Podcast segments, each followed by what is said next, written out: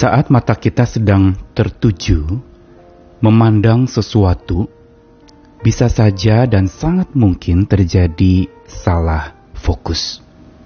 Misalnya saat melihat lukisan. Mungkin jangan-jangan kita fokusnya kepada bingkai lukisan itu yang begitu indah dan membuat mata kita memandang kepada bingkai itu daripada kepada lukisannya sendiri. Atau di dalam sebuah lukisan itu harusnya gambar utama yang menjadi judul utama dari lukisan itu, tetapi pandangan dan fokus kita justru bukan kepada yang utama. Begitu juga di dalam percaya dan keyakinan kita kepada Tuhan. Bisa saja kita salah fokus. Apalagi ketika kita menghadapi berbagai macam persoalan. Fokus kita diuji kepada apa atau kepada siapa. Dan apanya itu apa dan siapanya itu siapa. Berarti godaan untuk salah fokus bisa saja terjadi dalam segala bidang kehidupan. Saat mau menyelesaikan masalah, kita bisa berfokus kepada bagaimana caranya penyelesaian masalah sesegera mungkin, bahkan kemungkinan bisa ambil jalan pintas untuk penyelesaiannya sehingga kita tidak fokus kepada Dia, Tuhan yang Maha Sanggup, untuk menemani kita, bahkan memberi hikmat saat kita mau menyelesaikan masalah itu. Karenanya, dalam kita melakukan segala sesuatu dan apalagi memandang segala sesuatu, awas salah fokus. Saya Nikolas Kurniawan kembali menemani lagi hari ini dalam Sabda Tuhan yang menyapa kita di dalam Matius pasal 14 ayat 29 sampai 30 dari Alkitab versi Bahasa Indonesia masa kini. Datanglah jawab Yesus. Jadi Petrus turun dari perahu berjalan di atas air dan datang kepada Yesus. Tetapi waktu Petrus melihat betapa besarnya angin di danau itu, ia takut dan mulai tenggelam. Tuhan tolong, teriaknya. Bacaan di dalam Matius 14 ayat 29 sampai 30 adalah cuplikan dari sebuah adegan di mana ada peristiwa mujizat yang luar biasa yang Yesus peragakan di depan murid-muridnya yang sedang ketakutan karena hidup mereka dilanda badai. Perahu yang mereka tumpangi itu terombang-ambing dan hampir tenggelam. Saat itu Yesus hadir menghampiri mereka sambil berjalan di atas air. Dan pada saat itu tentu saja dalam segala kegaduhan dan kepanikan, para murid mulai mereka-reka dan menjadi tambah ketakutan ketika melihat satu sosok yang berpakaian putih berjalan menghampiri kapal mereka. Dan di sini sebenarnya sudah terjadi yang namanya salah fokus. Pandangan mereka bukan lagi kepada badai yang menakutkan, tetapi ada yang lebih menakutkan lagi. Sosok yang berbaju putih datang menghampiri perahu mereka. Dan ketika lalu kemudian mereka menganggap apa yang menjadi sosok putih itu bukan Tuhan, mereka meragukan. Fokus mereka kembali kepada salah fokus. Fokus mereka bukan kepada sosok yang menenangkan tetapi tambah menegangkan dan menakutkan mereka. Beginilah hidup dalam kecamuk badai.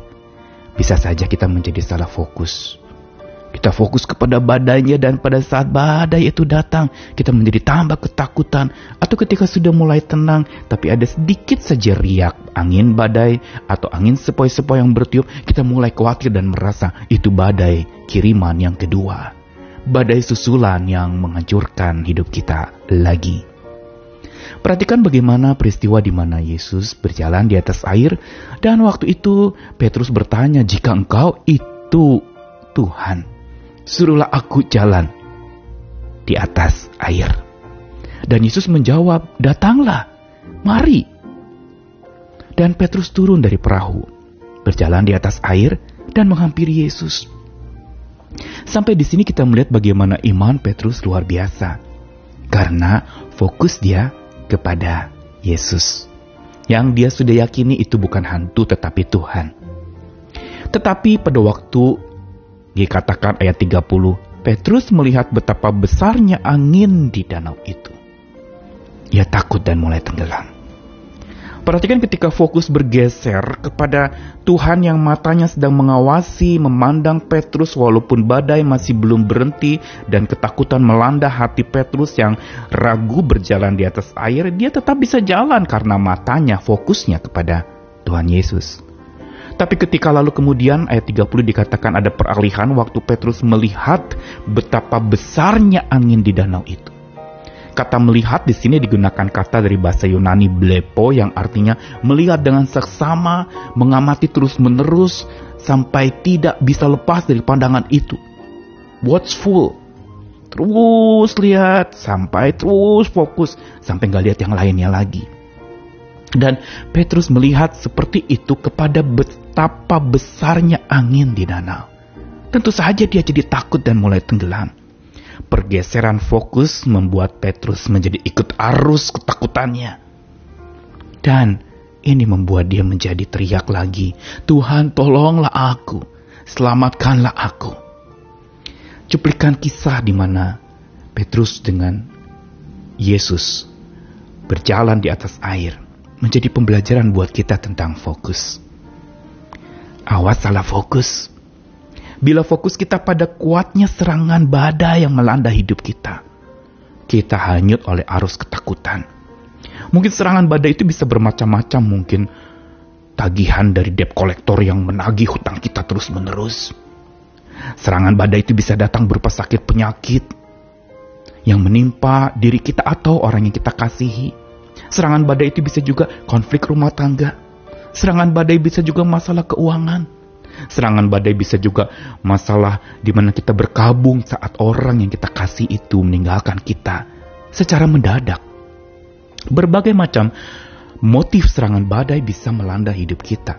Tapi saat kita fokus kepada serangan badai itu dan kebanyakan kita akan jadi fokus kepada badainya, kita menjadi hanyut oleh arus ketakutan Fokus kita adalah ketika menghadapi persoalan, kita selalu berpikir bagaimana persoalan itu selesai.